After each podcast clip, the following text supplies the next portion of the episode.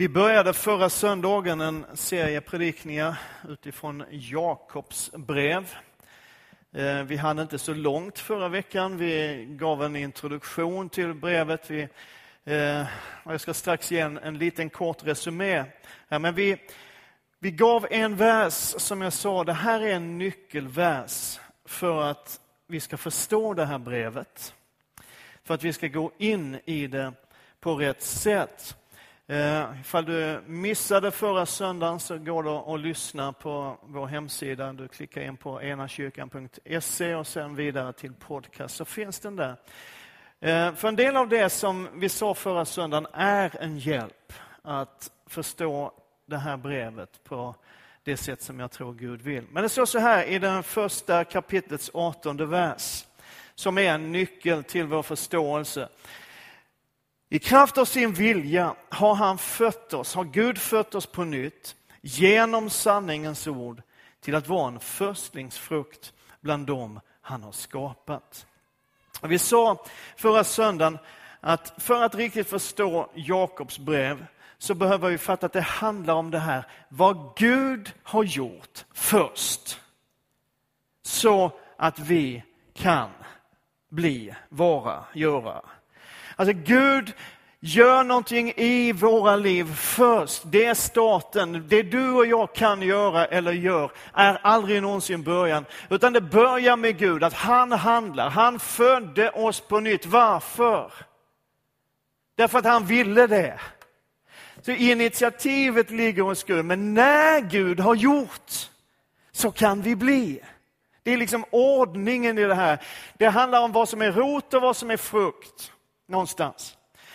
Och vi talade förra gången om att det har funnits och kanske finns fortfarande, men framförallt har det funnits en del teologer genom tiderna som har sett en motsättning mellan Bibelns undervisning och kanske framförallt Paulus undervisning om det här som vi kallar för tron alena. Det är bara genom tro på Jesus Kristus en människa kan bli frälst.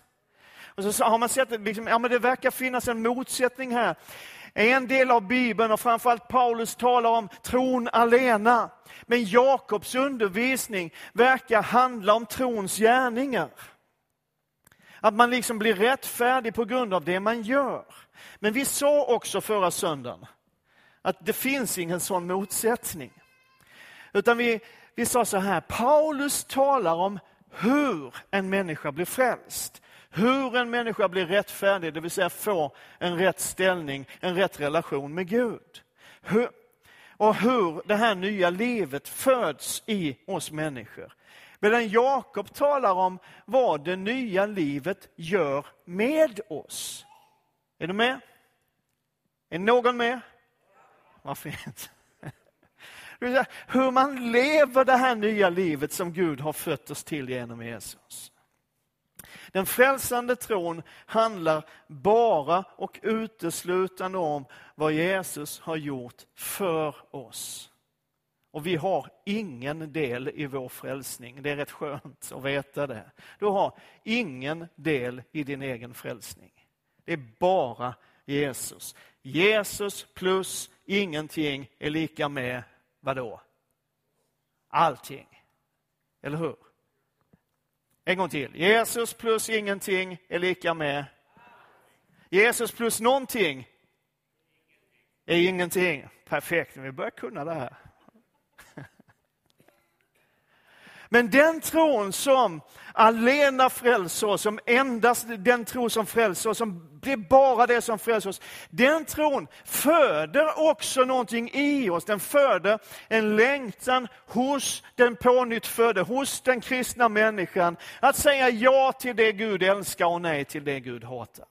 Det är det som kallas för helgelse, om du vill använda gammaldags härliga teologiska förklaringar och ord och uttryck. Jag kommer ju från helgelseförbundet från början. Det finns inte längre, så titta inte på mig sådär. Det fanns ett samfund som hette Helgelseförbundet. Det var vi som hade hela sanningen.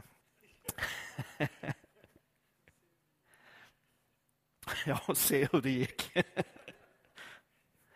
Och vi avslutar förra söndagen med att säga att Jakob ger oss en bild och ett löfte. Han visar vem Jesus är.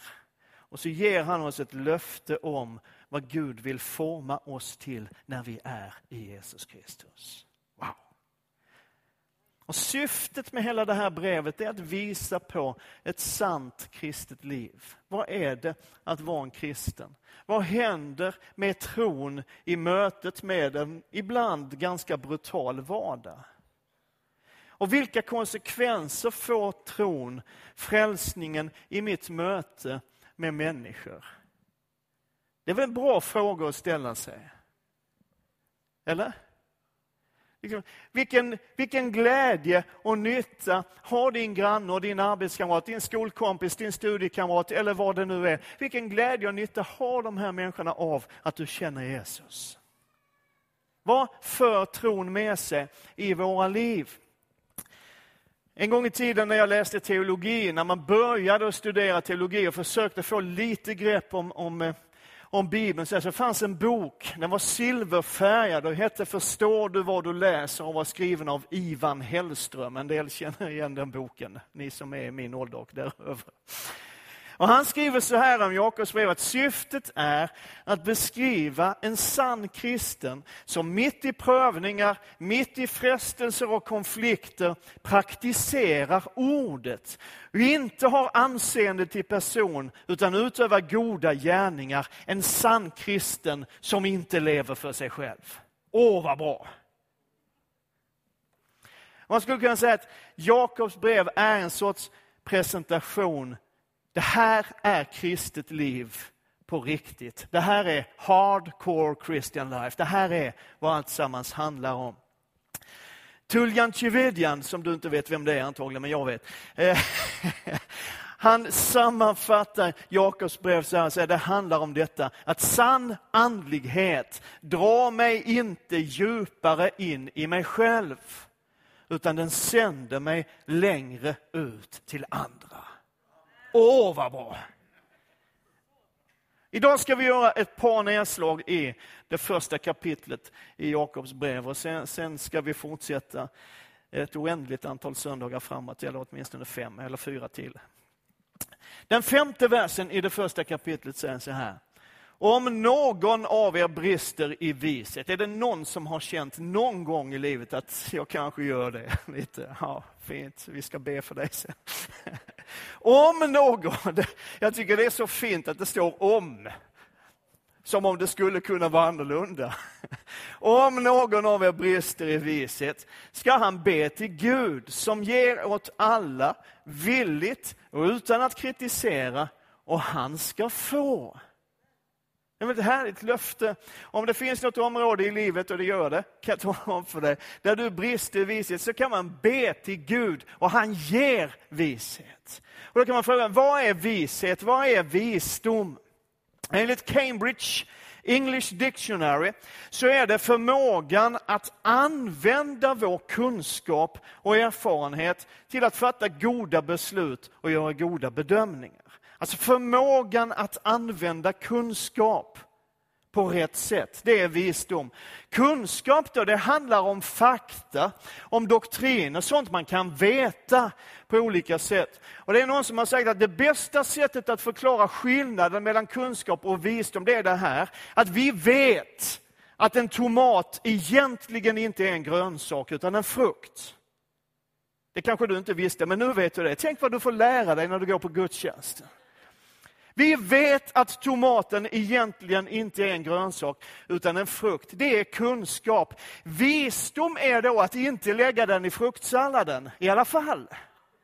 Förstår du? Man applicerar någonting som man vet. Nu vet du i och för sig att det är en frukt, men du vet också att det är inget gott tillsammans med banan, kiwi och mango. Visdom handlar om att använda och tillämpa kunskapen på rätt sätt. Det vi vet behöver få ett utflöde i våra liv. Vår kunskap, om den ska vara till någon nytta, till någon glädje, behöver få ett utflöde. Och det är det som är visdom, att det du vet, den kunskap, den insikt du har, får komma ut i den här världen och faktiskt göra nytta. Och om någon brister i vishet eller i visdom, då ska han be till Gud.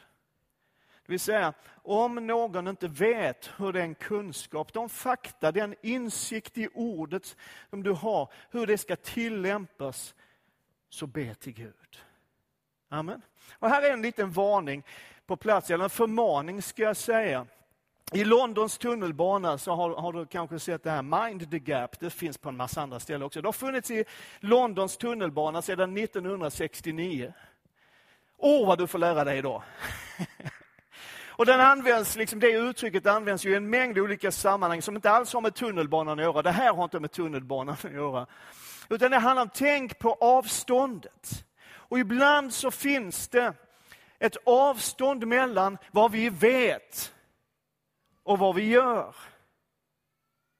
De flesta av oss, vågar jag nu påstå, har en kunskap som vida överstiger, överstiger vår lydnad.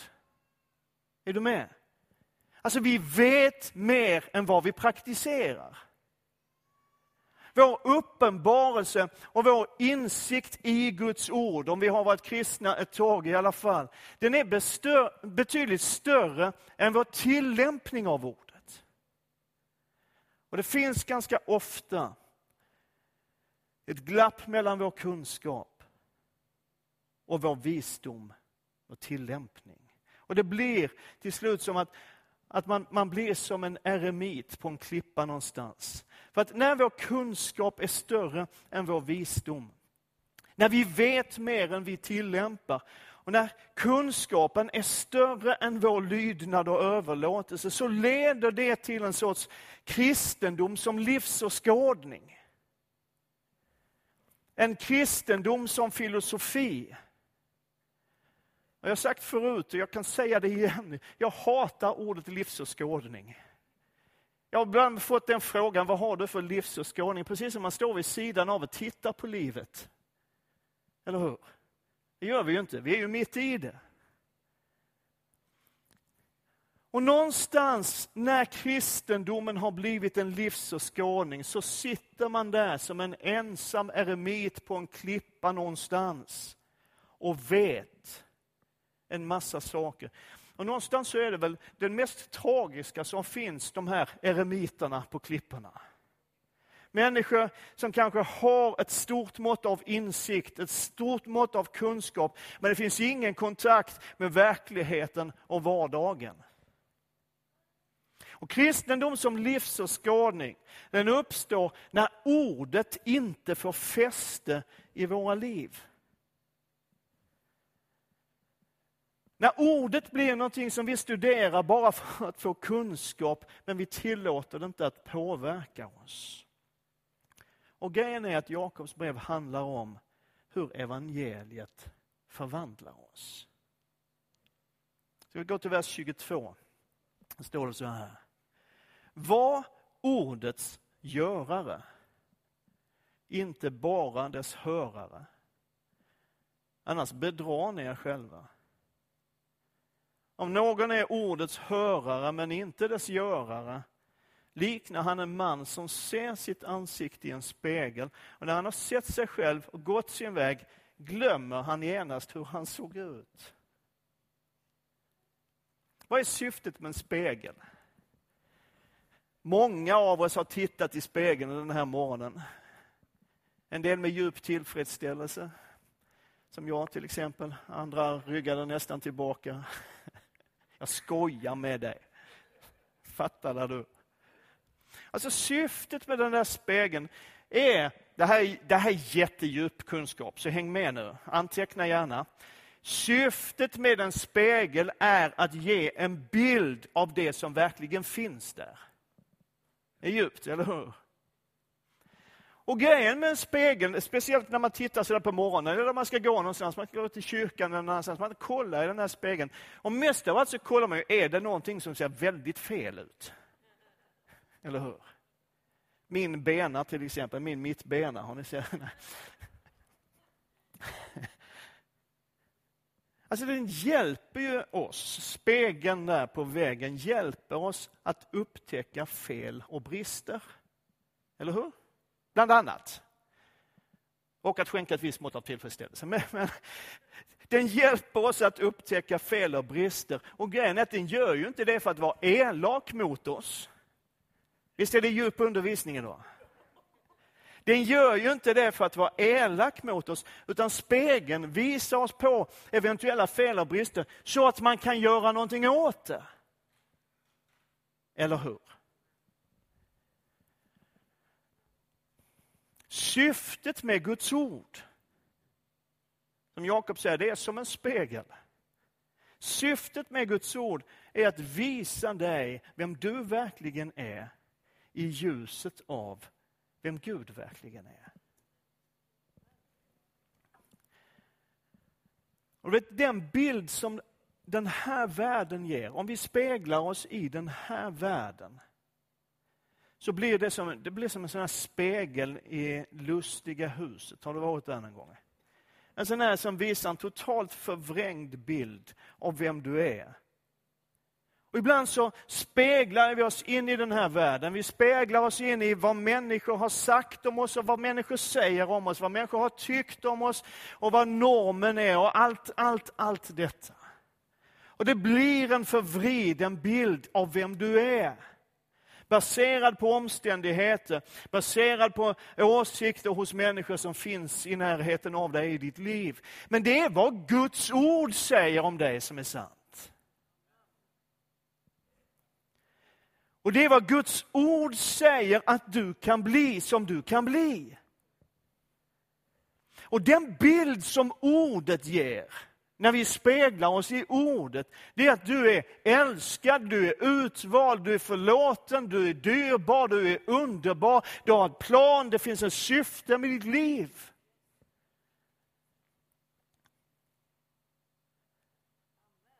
Och det kan finnas en och annan grej i ditt liv som du behöver plocka bort för att allt det fantastiska, underbara, ljuvliga, härliga som Gud har skapat ska få lysa fram ännu mer.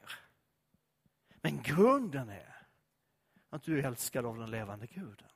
Du är fantastisk, du är underbar, du har fått nedlagt i ditt liv enorma, underbara, härliga gåvor som bara väntar på att få komma ut i den här världen, välsigna den här världen och göra den här världen till en bättre plats. Men här är en grej, jag fortsätter min djupa undervisning idag. Vet att titta dig i spegeln, som vi alla har gjort idag på morgonen. Att titta dig själv i spegeln gör dig inte snyggare. Gör dig inte prydligare. Det gör dig inte vackrare. Det händer ingenting för att du ser dig själv i spegeln.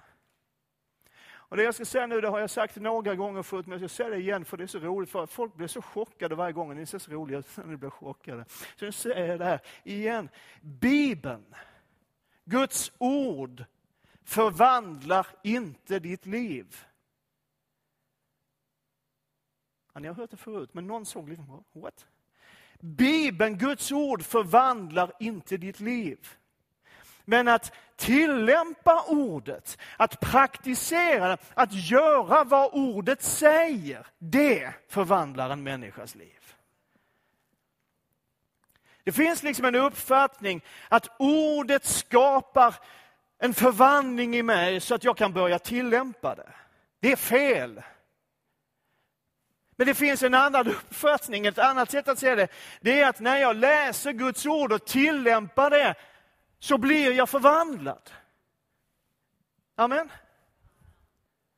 Spegeln ger en information om vad som eventuellt behöver förändras. Men den informationen har ett syfte. Dwight Lymel Moody sa så här, Bibeln gavs inte för vår information utan för vår transformation. Det är bra. Bibeln är inte bara till för att ge oss fakta och doktriner och lärosatser i det oändliga, utan den är given till oss för att vi ska bli förvandlade när vi börjar leva efter den. Att höra Guds ord, eller att läsa det, oavsett hur mycket och hur ofta du hör det eller läser det, kommer inte att göra dig mer Kristuslik.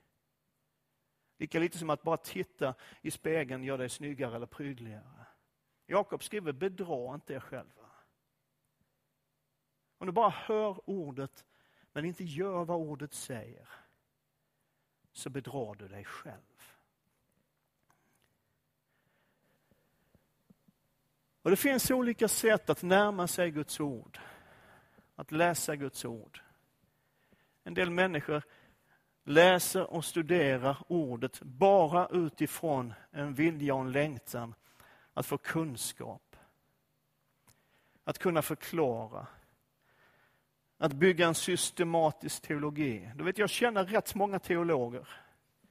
Jag känner ganska många eh, professorer i teologi, doktorer, människor som har ägnat sitt liv åt att studera skrifterna, kan långt mycket mer i skrifterna än vad du och jag kan. Det underbara är att många av dem de har verkligen livet, men jag har träffat en och annan som verkligen har ägnat hela sitt liv åt att studera Guds ord, men aldrig låtit det få göra någonting på insidan. Aldrig börjat leva i det, aldrig börjat praktisera det, aldrig förstått att det här handlar om mig. Det finns andra människor som har en mer nästan magiskt förhållande till bibelordet. Har jag bara ett bibelord för varje situation i livet så är jag safe. Kommer ihåg på 80-talet, i mitten av 80-talet, många av oss hade en sån där, det hette Lilla Troshjälpen i våra biblar. Det fanns i stort sett ett, ett bibelord för varje situation. Är du sjuk så citera det här bibelordet. Är du, behöver du pengar, citera det här bibelordet. Är det någonting annat så citera det här bibelordet. Och så Det blir en nästan magiskt förhållande till Guds ord. Men Guds ord är inga trollformler. Det är inga besvärjelser som vi uttalar i olika lägen. Guds ord har ett syfte. Att förvandla oss på djupet när vi börjar leva efter det. En del söker hela tiden efter sån här dold, djup betydelse. Alltså att bibelordet egentligen betyder inte det det står, det betyder någonting mycket djupare. Det finns alltid människor som söker de här djupen. För några år sedan så var, var det väldigt inne med det här, att studera den hebreiska talmystiken i Bibeln.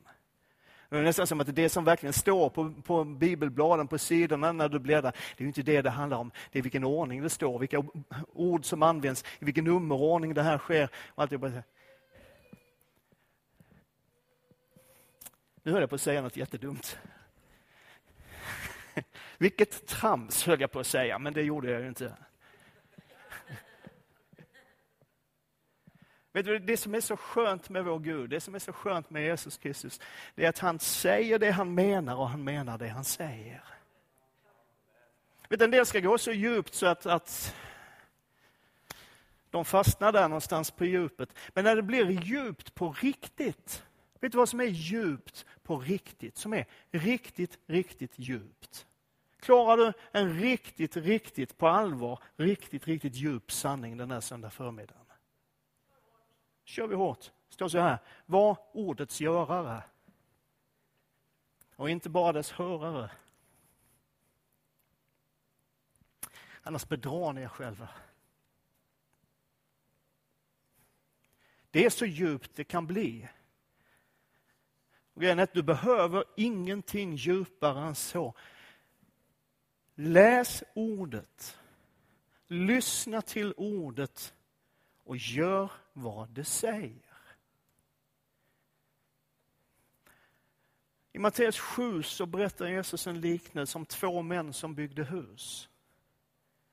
Den ene byggde på sanden, den andra byggde på en klippa. Många av er känner igen den här liknelsen. Så säger Jesus så här, den som hör mina ord och handlar efter dem, han liknar en man som byggde på klippan när stormen kom så stod huset kvar. Men den som hör mina ord och inte handlar efter dem, han liknar en man som byggde på sanden. Och när stormen kom så rasade allt. Jakob vill i sitt brev visa hur vi kommer in i det nya livet och hur det nya livet börjar förvandla oss därför vi följer det som Jesus säger. Gud har gjort så att vi kan bli. Gud har handlat, Gud har fött oss på nytt så att vi kan bli, så att vi kan göra, så att vi kan vara. Och om du vill bli och vara det som Gud har fött dig på nytt till att vara, så hör Guds ord och gör vad det säger.